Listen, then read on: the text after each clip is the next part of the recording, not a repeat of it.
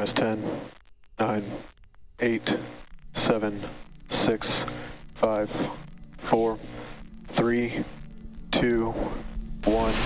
Ignition. We have liftoff.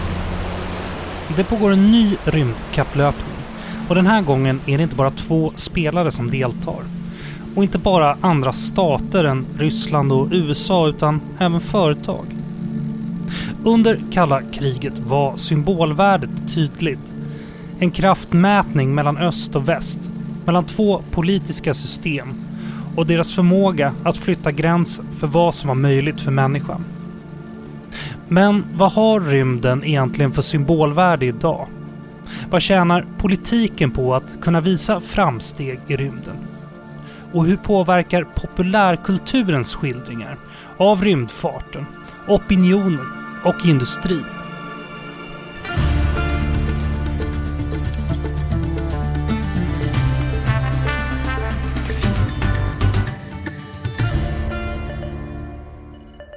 Det här är Utrikespolitiska institutets podd Utblick. Jag heter Jonas Lövenberg. Det vi hörde här i början var ljud från en testflygning med SpaceX Starship SN-10. En farkost som är tänkt att kunna ta last och besättning ut i rymden och sedan kunna landa, tankas och återanvändas. Alltså den nya generationen av rymdfart helt enkelt. Rymden blir ju allt mer en del av livet på jorden. Vi använder teknik varje dag som är beroende av satelliter. Vi konsumerar timmar av underhållning som skildrar en framtid där människan enkelt tar sig ut i omloppsbanan eller längre än så. Och rymden är återigen en viktig pusselbit i den globala politiken. För att vrida och vända på det här och hur det hänger samman har jag med mig Johan Eriksson, professor i statsvetenskap på Södertörns högskola, tidigare forskningschef på UI, men nu för tiden styrelseledamot för UI. Du är intresserad av politik och rymden och leder bland annat ett forskningsprojekt som heter Russia in Space. Välkommen! Tack så mycket!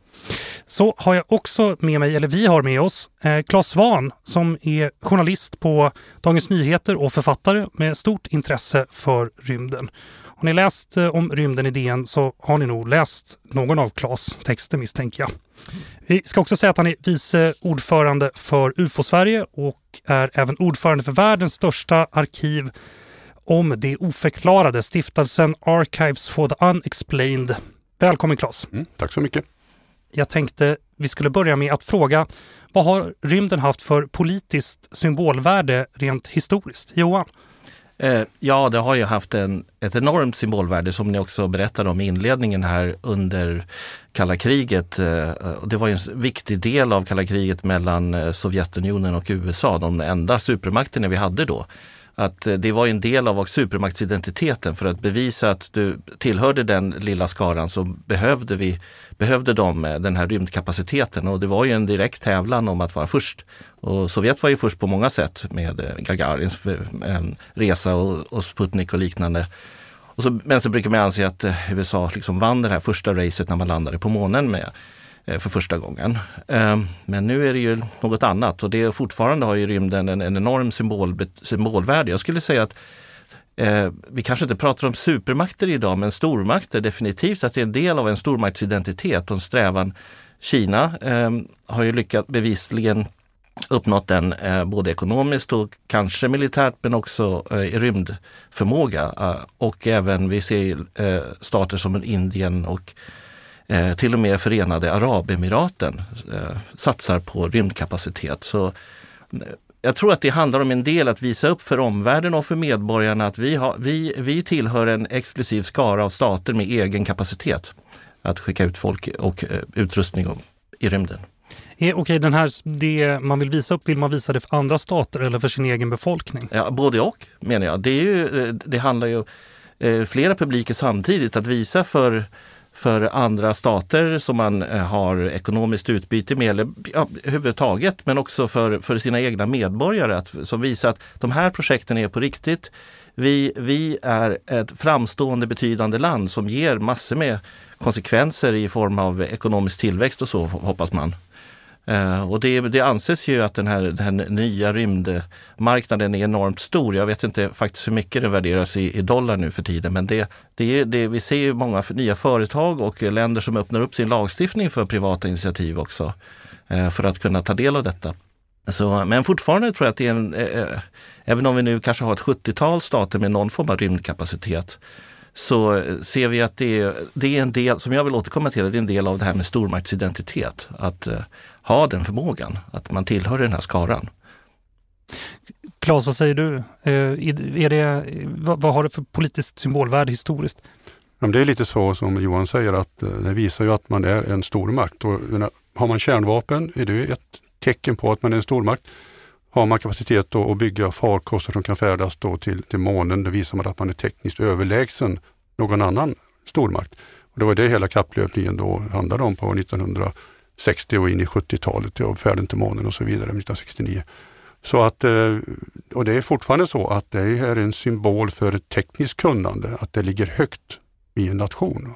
Och det gäller även små nationer. Om man ser på nationer som Sverige, där vi då inte skjuter egna eh, rymdsonder med bemanning ombord till andra planeter så bygger vi komponenter till ett stort antal eh, satelliter och rymdsonder och skjuter även upp egna fast inte från Sverige. Då. Det visar att Sverige ligger i framkant vad det gäller teknik. Så symbolvärdet är väldigt stort. Under kalla kriget hade vi två aktörer som vi precis har pratat om som, som tävlade om att positionera sig i rymden, USA och Sovjetunionen. Nu är det ju betydligt fler stater utöver eh, USA och Ryssland som gör både anspråk och framsteg i rymden. Vilka är de nya stora rymdnationerna? Ja, vi har ju redan nämnt Kina och det, det får man väl eh, konstatera. Det är inget eh, konstigt i det att Kina eh, har ju en eh, ambition att växa ekonomiskt och bli en väldigt stor stormakt att räkna med i världsekonomin och regionalt när det gäller militär dominans. Eh, men också rymdkapaciteten är en viktig del av detta och eh, eh, det betonas i Kina, precis som också i Ryssland, att utveckla en, en oberoende förmåga att, att skicka ut farkoster och människor i rymden. Och det har man ju lyckats med bevisligen. Man har ju haft ett par mindre rymdstationer eller Space Labs i Kina, Tiangong 1 och 2 och Ryssland är ju numera är fortfarande med i internationella rymdstationer som eh, fungerar, som intressant samarbete ändå fortfarande där mellan USA och eh, Ryssland och Europa, ett par andra aktörer. Ehm, så att eh, men, men Kina är absolut, de har ju gjort så flera konkreta tekniska framsteg som som Claes också nämnde här, att det är viktigt att visa upp den tekniska kompetensen med man har landat en, en sån på den eh, mörka sidan av månen, man har en, eh, en farkostig omkrets kring eh, Mars redan, man har eh, avancerade planer på att skicka upp, bygga en, i år en tredje rymdstation som kanske motsvarar ungefär den, den internationella rymdstationen i, i storlek och så.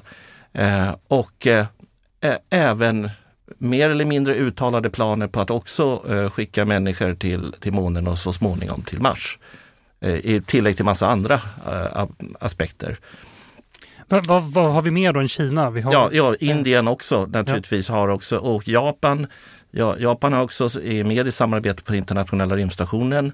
Eh, men Indien, vi ser ju, och sen, som jag nämnde Förenade Arabemiraten som är ett, ett land som är, är naturligtvis väldigt rikt eh, på grund av olja men, men använder det också för att bygga upp eh, att nationsbild, eh, bilden av den nationen som en tekniskt avancerad nation att det inte bara att vi har olja utan, och bygger vackra eh, eh, byggnader utan vi liksom eh, eh, på framkant i forskning och, och, teknisk utveckling. Och där man har gått så långt att man har planer som påminner om de här Elon Musks eh, SpaceX-planer om att bygga städer på Mars. Inom, eh, ja, eh, ganska långt fram i tiden, men ändå. Eh, och, och det, det, visar att man vågar uttala de ambitionerna. Det, det, det är ändå rätt häpnadsväckande. Att ett sådant land som vi inte för några år sedan bara räknade med som en rymdnation, är de faktiskt där. Och har också de en, en sån som kretsar runt Mars vad jag förstår nu. Så. Det finns ju två nivåer vad det gäller eh, rymdnationer. Dels de som eh, sysslar med instrument och satelliter och sonder och sen de bemannade. Det är det bemannade som, som räknas om man ska liksom visa att man ligger i framkant. Och där har ju till exempel Indien planerat en rymdstation, en egen rymdstation. Japanerna planerar ju att eh, skicka upp eh, astronauter till månen med hjälp av NASA. Och Kina, då 2036 säger man ju att de ska landa taikonauter, som de kallar sina astronauter för då på, på månen. Och det är ju det som är framkanten verkligen. Det, det, Sverige ligger då i en annan division kan man säga.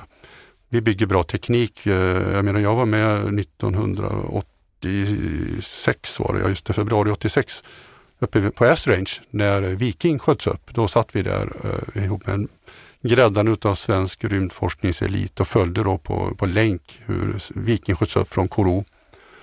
Ja, och eh, det var ju oerhört spännande och Viking då sände ju sen fantastiska bilder på norrsken. Man lärde sig mycket om det. Då. Och det var ju svensk teknik då, rakt igenom. Och sen har vi haft Astrid och Odin och, och Freja och vi har byggt eh, eh delar utav farkost till Jupiter som ska leta efter liv på Jupiters månar och farkost som är på väg till Merkurius och så vidare.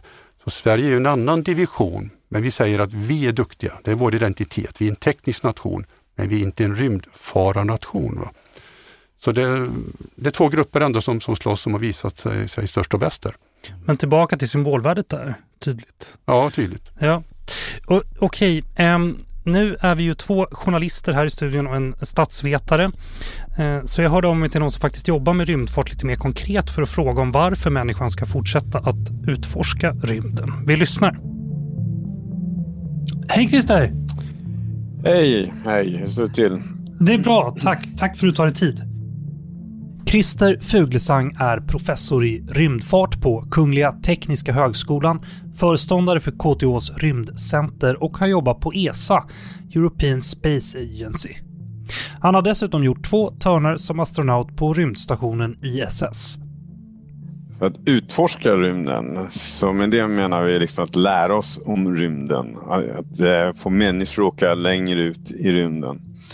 Och eh, det ligger i vår natur att vi vill lära oss så mycket som möjligt om eh, universum, om hur eh, vår eh, värld fungerar. Det där är kunskap som så småningom kommer göra att vi får ett bättre liv även på jorden. Vi är nyfikna, vi vill förstå varifrån kommer livet. Men kanske viktigast utav allt, det är hur vi ska kunna lära oss som människor att inte bara bo på vår första planet utan kunna lära oss att bo på andra ställen ute i, i rymden. Många säger fors, liksom rymdforskning när de egentligen menar eh, rymdaktiviteter, rymdverksamhet. Och, och att eh, liksom skicka upp massa satelliter runt jorden. Det hjälper oss ett mycket bättre liv här på jorden idag. Folk skulle eh, inte medvetna om att de använder rymd eh, rymden varenda dag. Att det liksom, infrastruktur i rymden som gör att vi får ett bekvämare liv här på jorden idag än vi hade för 50 år sedan. Tack vare kommunikationssatelliter, navigeringssatelliter, satelliter som observerar jorden som gör att vi kan få bra väderprognoser som kan eh, tala om för oss hur saker och ting växer, hur det är, liksom det är olyckor, katastrofer som jag nu kan få snabb information om det och, och massa mer. Människans växande aktivitet i rymden och vårt ökande beroende av den verksamheten har också gjort att rymden blivit en plats där stater måste se efter sina intressen. Så rymden kommer att närmare skulle man säga och det blir, har nu blivit även ur en militär säkerhetssynvinkel en eh, egen domän. Man har tidigare alltid pratat om tre försvarsdomäner. Det är sjö, mark och luft. Men nu pratar man två till. Cyber och rymd. Och eh, det är ju så att eh, många militära eh, makter, framförallt starka makter, och de, de, de har tillgångar i rymden som är väldigt viktiga för dem. Och även våra samhällen då bygger på tillgångar i rymden. Så om de slås ut så, så är det en väldig liksom, nackdel eh, och kan vara en fara. Så därför blir det allt fler som också börjar fundera på hur kan vi skydda våra tillgångar i rymden. Tyvärr så kommer det ju gå mot, inte en, ska jag säga, man sätter in vapen i rymden, men en slags, i alla fall militär, eh, kallar mer ökad närvaro i, i rymden. Eh, och det här, det här är någonting som alla, man måste vara medveten om och även Sverige då måste vara medvetna om det här. Och Eh, e- e- även själva då ta tänka på hur vi ska göra och hantera det här. Vi bör nog kanske också ha våra egna eh, liksom, tillgångar och möjligheter, åtminstone veta vad som händer i rymden och sånt. Även från säkerhetssynvinkel alltså. Christer Fuglesang säger att nästa stora steg för människan i rymden är att återvända till månen, vilket borde kunna hända i slutet av det här årtiondet. Sen så är det riktigt stora steget, nästa steg som aldrig har tagits, det är att åka till Mars. Eh, när det blir, det är ännu mer osäkert. Det finns ännu inte någon som en enda tidsplan. Det finns en tidsplan för månen och där har man sagt 2024 men det är inte realistiskt. Påstå. Men eh, till Mars finns det inte ens en tidsplan. Eh, det, det lär inte bli förrän någon gång under 20-30-talet men, men sannolikt någon gång under mitten, slutet av 20-30-talet. Det är min gissning. Vad säger ni om det här? Claes? Ja, det är intressant att lyssna på, på Christer och eh, det är så här att rymden har blivit jättemycket närmare oss och det är han ju inne på också. Då. Det är en del av vår vardag. Rent tekniskt så är vi omgivna av rymdteknik hela tiden genom mobiltelefoner och satellitnavigatorer och allt sånt. Men sen är det också så att rymden har kommit oss mycket närmare genom de teleskop som har skjutits upp till exempel i rymden. Hubble-teleskopet har förändrat vår, vår bild av vår egen plats i kosmos. Nu kommer snart James Webb-teleskopet skjutas upp också då senare i år. Det är 6,5 meter stor spegel som kommer att se ännu bättre, ännu längre bort och ge oss en ännu större inblick i vilken del av kosmos vi människor faktiskt är. Då. Vad säger du Johan? Eh, ja, jag, tänk, jag tänkte på det Christer sa om eh, det man kan kalla militariseringen av, av rymden som eh, Eh, att det, USA har skapat nu sin så kallade Space Force och, och Cyber är också en militär domän som har dykt upp sen vi fick internet. Eh, men samtidigt så eh, rymden har ju varit, en, har det varit, haft militär aktivitet i rymden från första början. När vi kunde skicka upp satelliter som har använts för Eh, kommunikation och spaning, eh, ta bilder av jordytan och det kan man använda för militära och civila syften eh, naturligtvis. Liksom också mer och mer för det man kan kalla command and control, alltså att, för ledning och organisation av militär verksamhet. Och Inom eh, USA och EU framförallt pratas det mycket om det som kallas dual use, alltså att till exempel satelliter ska kunna användas för både militära och civila syften. Och det där är en trend som ökar. Vi har ju renodlat civila och renodlat militära satelliter och det har vi. Och jag vet att i, i Pentagon i USA planerar man dessutom att bygga en, en, eh, en militär rymdstation också. En renodlat militär sådan. Eh, man har ju faktiskt haft också en rymdfärja som var obemannad för militära ändamål eh, under lång tid som kanske inte har nämnts i medierna så, så mycket. Eh, men eh, men, men det här med dual use är intressant därför att det innebär att eh, de eh, företag och stater som skickar upp satelliter kan sälja tjänster, till exempel bildöverföring, eh, till både militära och civila kunder. Eh, och det där eh, är, ju, det är liksom ökade marknader men det är också ökade problem med och det blir ju då högre krav på sekretess, både företagssekretess och militär sekretess. Så det, där, eh, det finns en insynsproblematik och det finns en del experter och politiker också som varnar just för den här militariseringen som vi ser som kanske symboliskt eh, också eh, markeras av att USA har bildats en Space Force. Även om jag tror att kapaciteten är kanske inte så annorlunda, det är en organisatorisk förändring. Men en militär rymdkapacitet har man ju haft länge och, och det inkluderar även de här så kallade antisatellitvapen, alltså som man skjuter från marken eh, för att kunna skjuta ner Eh, då satelliter som vi vet att USA har haft det från början egentligen och eh, Sovjet och Ryssland också och Kina. Eh, och det finns kanske ett par till stater som har den förmågan men de här tre staterna har bevisligen en eh, sådan förmåga. Ehm, så då, och det här kan man säga, det, det bryter också mot rymdfördragets anda och vissa av paragraferna också om att vi ska, det ska vara en fredad zon. Vi får inte ha massförstörelsevapen i rymden. Eh, och vi ska inte heller ha militär verksamhet eller militära övningar i rymden. Och, det här, eh, och jag vet att det finns en del förslag på hur man ska hantera detta då, bland annat ett förslag från Kina och Ryssland som handlar om att vi ska förhindra rymdvapen. Och det är en markering mot USA då framför allt. Eh, men det har väl inte gått så bra att få till det där i FN. Eh, vad jag förstår att det, det finns motstånd i alla fall. Och så det finns en hel del att jobba med där, eh, politiskt, internationellt också. Vi ska bara, rymdfördraget här 1967, vad, vad innebär det? Ja, det var ju ett eh, intressant fördrag som bygger på Antarktisfördraget, att man ska se rymden som en, en ja, global, det är ju mer än global, det är ju en samfällighet som tillhör hela mänskligheten och så, eh, att det ska vara en fredad zon medan man, precis som Antarktis. Och ingen stat får ockupera rymd, någon rymd himlakropp, månen eller en asteroid. Eller, även om man sätter ner en flagga så betyder inte det att USA äger månen eller liknande. Va? Utan, och bygger man någon form av rymdbas eh, eller installation så ska det vara tillgängligt för alla och det ska vara öppet. Så det är ungefär precis som eh, lagstiftningen gäller för de här små forskningsstationerna vi har på Antarktis.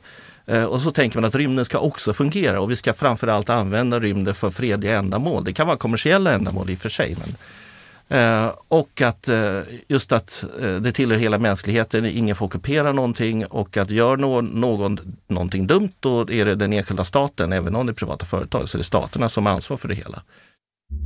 På 30-talet var författaren John Campbell redaktör för det legendariska science fiction-magasinet Astounding. En amerikansk publikation där flera av skribenterna skulle komma att bli några av de mest ansedda sci-fi-författarna någonsin. Som Robert Heinlein och Isaac Asimov och senare även Arthur C. Clarke. Astounding var fullpackad med historier om rymdfärder och futuristiska samhällen och utforskandet av nya världar. Magasinet hade prenumeranter över hela världen som lästes både av vuxna och ungdomar. Till exempel läste flera av forskarna som jobbade på USAs hemliga atombombsprogram, The Manhattan Project, Astounding. Vilket i förlängningen ledde till att redaktionen fick besök av FBI. Men det är en annan historia. Det fanns en tidig prenumerant som stack ut. Varje nummer skickades nämligen i ett exemplar till en postlåda i neutrala Sverige för att sedan packas om och skickas vidare till Tyskland, där nazisterna hade makten. Mottagaren var vetenskapsmannen Werner von Braun, chef för den tyska raketutvecklingen och mannen som lyckades konstruera V2-raketen. Han hamnade senare i USA och blev en av nyckelpersonerna i USAs Apollo-program som ledde till att USA till slut vann rymdkapplöpningen mot Sovjet. I sin tur hjälpte von Braun själv till att popularisera rymdfarten genom att skriva artiklar men också genom att delta i opinions och folkbildande tv-program som här i serien Disneylands avsnitt Man in Space, producerat av Disney och sänt 1955. If we were to start today on an organized and well-supported space program, I believe a practical passenger rocket could be built and tested within 10 years. Of course, it would be foolish to rush headlong into building a four-stage rocket, man it with a crew, and attempt to fire it into an orbit without first following a step-by-step -step research and development program. Ja, vi kan väl säga att von Braun är en omdiskuterad figur vars lojalitet till olika makter kanske kan ifrågasättas. Men det här är ändå ett exempel på att det alltid funnits en koppling mellan rymdfarten och populärkulturen. Så vad betyder populärkulturen för rymdfarten idag? Eh, Klas? Ja, den har betytt väldigt mycket egentligen från eh, start. För att när man ser på Apollo-astronauterna, om vi tar dem till att börja med. Många av dem är uppväxta med science fiction-litteratur och Buzz Aldrin läste ju Buck Rogers med strålpistoler och allt vad det innebar. Eh, så de var ju klart influerade av att det här var möjligt. Det fanns en möjlighet att människan skulle kunna resa i rymden. De hade med sig de tankarna. Och jag tror att eh, det gäller lika mycket idag när vi delar på en social kontext där vi alla tar del av samma typ av information eller läser samma typ av böcker, eller läser samma typ av filmer. Då blir vi påverkade av det och ser möjligheter eh, som vi annars inte hade sett kanske då i framtiden. Och man kan nog lugnt säga att eh, de här tidiga rymdfararna, då, eh, Apollo, astronauterna framförallt, även ryska, hade inte de läst de här science fiction-böckerna hade de kanske varit mer tveksamma till att det här överhuvudtaget var någonting. Men nu fanns det med som en möjlighet och det blev också en verklighet. Och där är vi ju fortfarande egentligen då, att science fiction ligger ofta lite före. Och sen så läser ingenjörer om det och tänker att ja, det här kanske jag kan göra, fast lite bättre och kanske mer realistiskt. Så det, det är viktigt för oss även nu. Vad säger du Johan? Ja, jag håller eh, helt med. Det, det finns en, en, relation mellan science fiction och den verkliga rymdfarten och tekniska utvecklingen, både som inspirationskälla och ibland kan det hända att science fiction kommer efteråt också och ser att det här var ju möjligt och men tänker fantisera lite mer. Vad skulle nästa steg bli? Eh, och det finns ju en uppsjö med eh, science fiction. Vissa är mer realistiska än andra om vad gäller att eh, bygga kolonier på Mars till exempel. Som till och med också genererat inte bara böcker och film utan eh, dataspel. Eh, du kan ju själv bygga din koloni på Mars nu i ett dataspel och det finns brädspel och sånt där. Eh, så, så det är ju, för Mars har ju verkligen varit liksom, vad ska jag säga, fokus för väldigt mycket science fiction eh, på så många olika sätt. Framförallt i olika dystopier och skrämmande scenarier. Men, men sen har vi de mer, mer nutida, eh, realistisk, mer eller mindre realistiska i alla fall.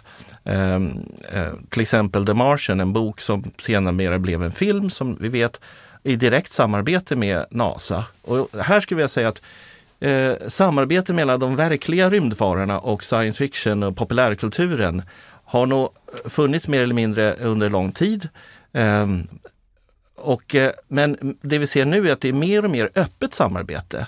Det är, liksom, det är ingen konspirationsteori att säga att eh, eh, NASA samarbetar med Hollywood till exempel. Och vi ser, utan det är öppet och det är, därför man, man tjänar på det båda två. Både ekonomiskt och eh, att vi väcker opinion, vi får det blir stöd och, vi, och det där görs ju i syfte bland annat för att kunna rekrytera mer ungdomar till en, någon form av rymdkarriär. Inte bara att vara astronaut utan det är allting runt omkring. Det är många tusen som jobbar på marken naturligtvis. Och det vi ser i, eh, det, det gällde The Martian. Vi, på Nasas hemsida finns en underdel som handlar om The Real Martians med bilder från filmen och säger vi var med och, och gjorde den här filmen. Eh, men, och, nu är vi på väg dit. Så man hade, det var innan Trump under Obama hade med Journey to Mars-projektet som kanske är lite vilande nu. Nu är det Artemis för månen som gäller, men sen kommer ju Mars igen. Eh, och vi ser nu i år eh, så är det nästa steg i detta där det blir en direkt symbios mellan populärkultur och verklig rymdfart. För nu, ska ju, nu är det planer på att NASA tillsammans med eh, Universal Studios och Tom Cruise i huvudrollen ska spela in en film på rymdstationen. Just. Alltså en, en, dramatisering i den verkliga rymdstationen. Det är ju liksom nästa steg. Då är det ju, då, vad är det gränsen mellan? Det finns ingen gräns mellan verklighet och fantasi längre. Då är det liksom både och. Och så ser vi att ryssarna gör samma sak. Och nu blir det nytt rymd, det nya rymdracet det. vem ska bli först att spela in en spelfilm i rymden? Eh, och det, Roskosmos är den ryska motsvarigheten till NASA, jag håller på med detta. Eh, och eh, Channel One ska då producera den här eh, och eh, jag vet inte om man har utsett huvudskådespelaren, en kvinna ska det då vara, som spelar huvudrollen här. Eh, men det ska också vara på rymdstationen. Så vi kommer alltså förmodligen ha två spelfilmer med, med eh, eh alltså personer som inte har en astronautbakgrund som ska upp dit eh, och spela in detta. Det är liksom nästa steg.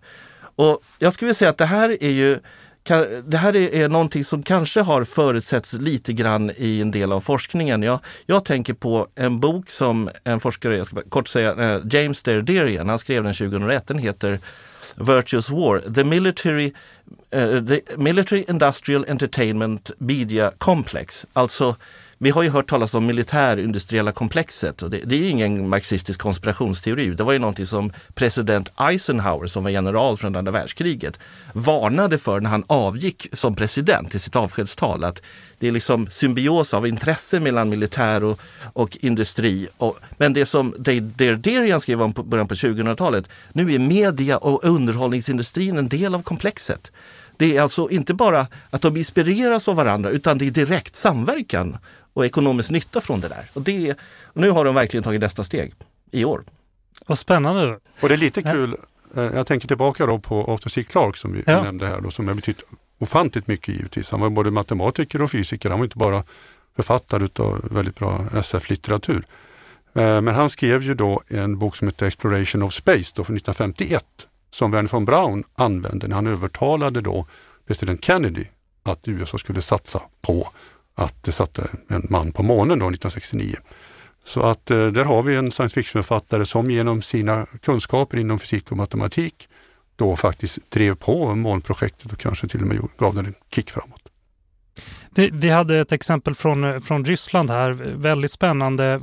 Finns det fler exempel från andra länder? Vad händer i Kina, vad händer i Indien om det nu är de andra två stora rym, nya rymdnationer att räkna med? Ja, Kina, eh, jag vet att min kollega Johan Lagerqvist på Stockholms universitet eh, tidigare också på UI, han har ibland skrivit en artikel nyligen i DN för övrigt om eh, kinesisk science fiction och eh, samverkan mellan de, de, kinesiska rymdprogrammen och betydelsen av science fiction. Naturligtvis för att inspirera ungdomar att satsa, bli rymdingenjör eller astronom eller till och med taikonaut. Eh, Eh, det är en del i detta och en del av det kinesiska aktiviteten. Man har också byggt eh, man bygger ju någon form av eh, rymdstation på i Kina dit allmänheten är välkommen för att liksom uppleva på nära håll, se teknik och sånt, sånt där.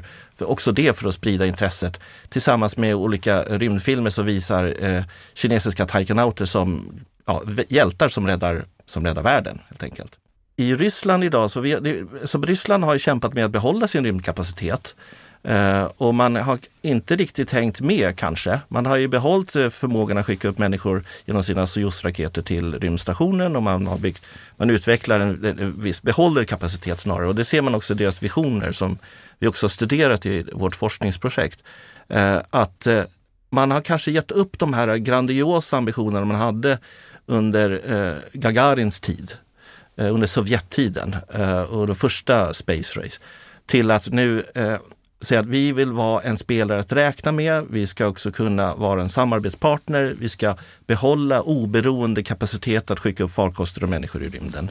Men de säger ingenting om att vi ska vara den ledande nationen eller vi ska vara först på månen och först på Mars och sådär. Det, det säger de faktiskt inte. Så det, och det är väl en, bara en real, realistisk bild av hur det har gått med beroende på alla, ekonomin och den politiska eh, märkligheterna i Ryssland också. Som har svårt att få, få till det. Eh, men när det gäller, bara för kort då, med science fiction i Ryssland så finns det en hel del nya författare och filmer. Eh, vi har ju som tidigare Solaris på 70-talet, fantastisk psykedelisk film. Eh, bara för något år sedan kom det en ny film som heter Sputnik. Man använder ju ordet Sputnik för allting numera. Eh, vaccinet mot eh, covid-19 och eh, den här eh, propagandasajten och det, allting, så det, det, dyker upp hela, man återanvänder de här gamla sovjetiska framgångarna varje år egentligen till någonting nytt. Och det, det ser vi också i, det finns ett onlineprojekt i Ryssland som heter CCCP 2061 där olika illustratörer och författare fantiserar om Sovjetunionen eh, 2061 och då är det väldigt mycket rymdbilder och sådär som man tänker på. Som en slags återupp eh, Sovjetunionen i rymden. Spännande. Jag, jag, jag, fråga, jag passade också på att fråga Fuglesang om det här med populärkultur och rymdfart. Um, han sa så här.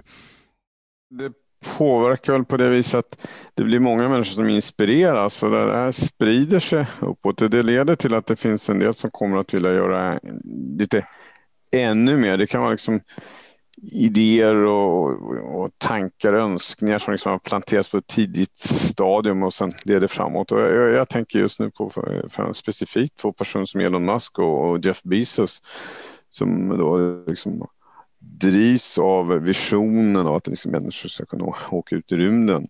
Och, och det är väl ingenting som de har liksom helt tittat på själva utan de har ju då liksom läst och fått den inspirationen som yngre. Ja, Musk som driver eh, SpaceX, Bezos som driver Blue Origin. Eh, vad, vad, är kopplingen mellan kommersialiseringen av rymdfarten och populärkulturen då tror ni? Alltså jag tycker det är kul att notera det här med Elon Musk framförallt för att hans raketer då, de, de rör sig på samma sätt som Tintins gjorde 1950. De skjuts upp och så landar de på, på sin bakdel. Alltså jag menar, jag såg en av de absolut sämsta science fiction-filmer som finns, Creeping Terror. Den ska ni absolut se om ni inte har gjort den, den är fruktansvärt dålig. Då kommer det ett par körande i, i bil i, i, på natten och så plötsligt så ser man då i dagsljus istället kryper de in då en raketuppskjutning uppspelad baklänges. Så att det är alltså en Saturn-raket då som är på väg att landa och på ett sätt som man bara skrattade åt för några år sedan. För det gick ju inte, herregud, man landar ju inte på det sätt som man startar. Och så plötsligt då så har Elon Musk då sugit upp både Tintins och Creeping Terrors visioner om att det är så här man ska göra. Så jag vet inte om han har läst Tintin eller hur han har tagit till sig det här, men på något vis tror jag ändå att Elon Musk har påverkats av de här tankarna. Ja, definitivt. Det, ja, det finns någon, någon biografi över Elon Musk där han säger själv att, eh, i intervjuer att han har inspirerats av olika science fiction. Och jag vet inte om det kan Tintin också kanske, men vi ser i designen av Starship Eh, nu ska ju visserligen Starship vara mer stål, eh, rostfritt stål tror jag. Men eh, med, och Tintin där var det väl röd-vit-rutig. Men, men utseende, det var väldigt fint. Ja. Ut, eh, men, men liksom eh, formen på det och också förmågan som Claes nämnde att den kan både landa och starta intakt utan man delar upp den i olika delar och sådär. Det, det har jag lyckats med bevisligen. Men jag undrar också hur, hur hänger populärkulturen och politiken ihop då? Ja, eh, hur hänger populär, hur menar du rymdpolitik och rymdbeslut? Ja, men jag tror att även beslutsfattare, om vi nu tänker på de som satsar eh, eh, skattemedel på rymdfart, också de eh, inspireras också av science fiction eh, till en del. Eh, de som sitter i olika kommittéer i kongressen eller var det någon myndigheter. Och, att det finns nog säkert i bakgrunden där också. Eh, jag kan också säga att eh, mm, USA är ändå Eh, Eh, först på vissa sätt när det gäller just det här explicita samarbetet med, mellan populärkultur och eh, intresseorganisationer också. Vi har till exempel en stor organisation som är välfinansierad i USA som heter Mars Society som en person som heter Robert Subrin leder. Och, han, och det är ju, de har konferenser varje år. Nu var den digital på grund av corona. Men, och då är det eh, folk från NASA och, och, det kan vara astronauter och alla möjliga experter som är med. Elon Musk har också varit med på det här. Och liksom, de hjälper ju till. De, vissa av dem skriver populärvetenskap, det är ganska mycket det. Men det är också en del science fiction som är inblandat i det hela. Så det, det finns liksom en, en, en gemenskap tror jag av rymdnördar, om vi kan våga använda det uttrycket. Alltså, alltså man, man älskar verkligen ämnet och man kan en hel del på olika delar av detta. Och man finner varandra och eh, gör olika projekt tillsammans. Och det kan vara någon populärvetenskaplig text eller en konferens eller webbinarium eller vad det nu är för, för att liksom driva intresset tror jag. Och där ser vi ju till exempel på då Mars Societys konferens som var digitalt i höstas, då var det ju folk från NASA och från eh, universitet och från rymdindustrin och eh, bara allmän intresserad allmänhet också som var med. Eh, och, så jag tror att det finns, det, det, det, är lite svårt att sätta fingret på exakt hur det sker utom i specifika projekt som det här Tom Cruise eh, och eh, eh, SpaceX och NASA och Universal Studios. Det är ett konkret projekt. Va? Men definitivt att det finns någon form av gemenskap och, och nätverk mellan människor som har intresset tror jag, som hjälper till. Jag, jag kommer kalla er för rymdnördar också om det är okej. Okay. Gärna. Okay. jag, jag hängde länge på bild på Tekniska museet under nördavdelningen faktiskt. Där, så att, uh, ja, så, ja, okay. jag, jag köper det. ja, men bra. men det gäller ju att ha skattebetalarna med sig. Det är lite det vi är inne på här ja. också. Va? Och vi har pratat mycket om det här med allmänheten, upplysning och NASA samarbeten med filmbolag och så vidare. Har man inte skattebetalarna med sig och tycker, som tycker att rymden är häftig, då är det svårt att genomföra mångmiljarddollarsprojekt givetvis. När, när Apollo 17 landade på månen och, och lämnade sedan månen 1972 Sen dess har inte USA varit där och det fanns ju flera Apollo-färder inplanerade men de blev ju helt enkelt bara, de togs bara bort. Va? För det fanns inte längre någon, någon vilja hos allmänheten att betala för samma sak en gång till. Va? Så därför är det ju jätteviktigt tror jag, det, det fattar ju NASA och, och Roskosmos och alla andra aktörer här, att man påverkar allmänheten genom bland annat filmer och science fiction och upplysning att det här är jättespännande. Här ska ni lägga era pengar. V vad blir nästa stora politiska fråga i rymden då? Eh, nästa stora fråga, ja det är många som redan är på dagordningen om eh, satellit, alltså skrotet i rymden vi måste ta som hand om. Det är den här militariseringen eh, av dual use eller till och med rädsla för utplacering av, av vapen i rymden. Men, eh, och, och utvidgning av asteroider, så det är, det är liksom ekonomiska eh, projekt, företag som kanske i framtiden vill utvinna mineraler från asteroider och liknande. Men jag, jag tror, det som jag uppfattar som den största frågan, det är, från min egen lilla horisont, det är att hur ska vi reglera eh, det här med eh, kontroll av, eh, av, eh, av, av månen och Mars, tror jag, i första hand.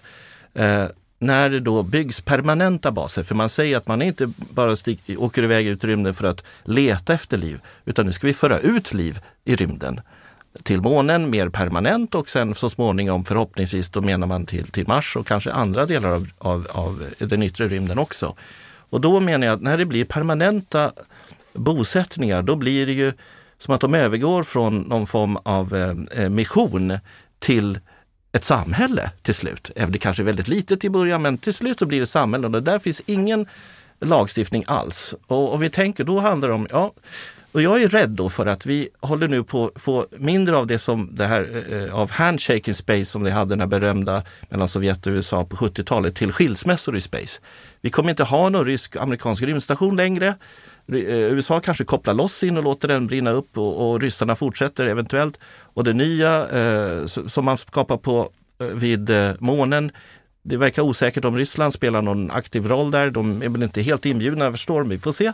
Kina kör ett helt eget race. Eh, och jag är rädd för att vi, det här blir en, en spänning mellan, egentligen mellan demokratier och eh, autokratier, alltså de icke-demokratiska staterna. Om de ska bygga, ska Förenade Arabemiraten och Kina bygga samhällen på Mars, vad tror ni det för blir för sorts samhällen? Kommer det bli demokrati? Eh, Elon Musk pratar lite sådär dröm, drömmande om att det ska vara direktdemokrati och så är det få, då få meningar han sagt om det där, men det vet jag inte. Vi, vi ser ju företaget eh, SpaceX och de andra företagen han driver, de är ganska hierarkiska ändå. Så jag är rädd för att det blir företagsbosättningar, blir, då blir det företagshierarkier eh, som styr. Särskilt inledningsvis, men eh, vi, vi, det återstår att se. Men där finns ju ingen internationell diskussion eller, eller reglering alls och det är jag rädd för. Det behövs. Absolut, jag håller verkligen med. Det en stor risk att det blir stater som bygger upp nya stater eller företag som bygger upp nya företag. Istället för som ISS som har varit i samarbete med en mängd olika, olika stater på, på hela planeten egentligen. Ett väldigt fint samarbetsprojekt. Så blir det nu månprojektet som kommer att dela på detta igen.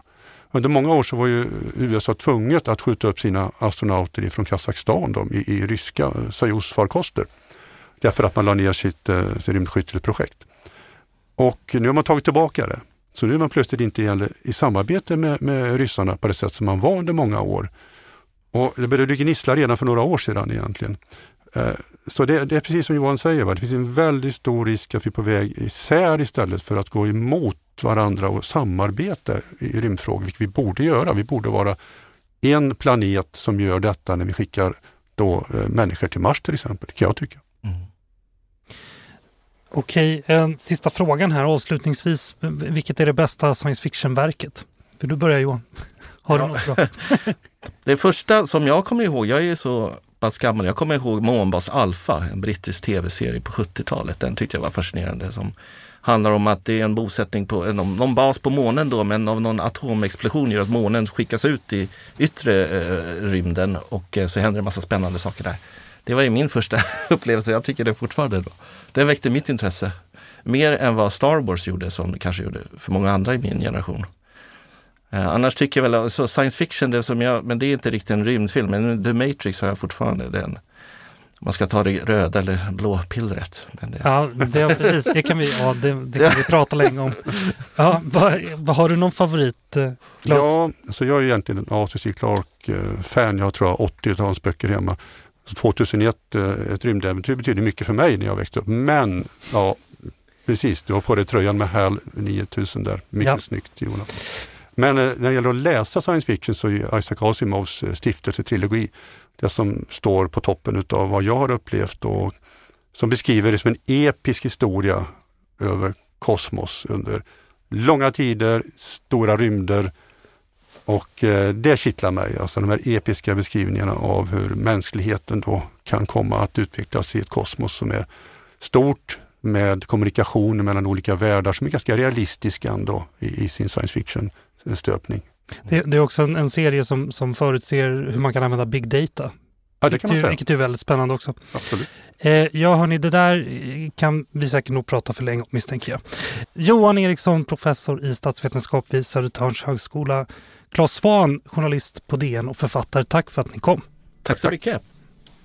Innan vi slutar ska jag passa på att tipsa om ett eh, fantastiskt svenskt brädspel som handlar om att kolonisera Mars, Mars nämligen Terraforming Mars. Som jag råkar veta att också Christer Fuglesang gillar att spela. Testa det. Eh, jag ska också tipsa om en mycket bra poddserie av journalisten Lillian Cunningham som är utgiven av Washington Post som heter Moonrise. Den handlar delvis om vad vi har pratat om här idag men berättar historien om varför USA landade på månen. Så du har alltså hört Utblick, Utrikespolitiska institutets podd. Glöm inte att klicka på prenumerera-knappen i appen där du lyssnar på oss. Om du vill läsa mer om institutets forskning och omvärldsbevakning, titta in på ui.se Inspelningen av det här avsnittet sköttes av vår eminenta tekniker Christopher Fabes. Vår vignett har komponerats av Frid and Frid.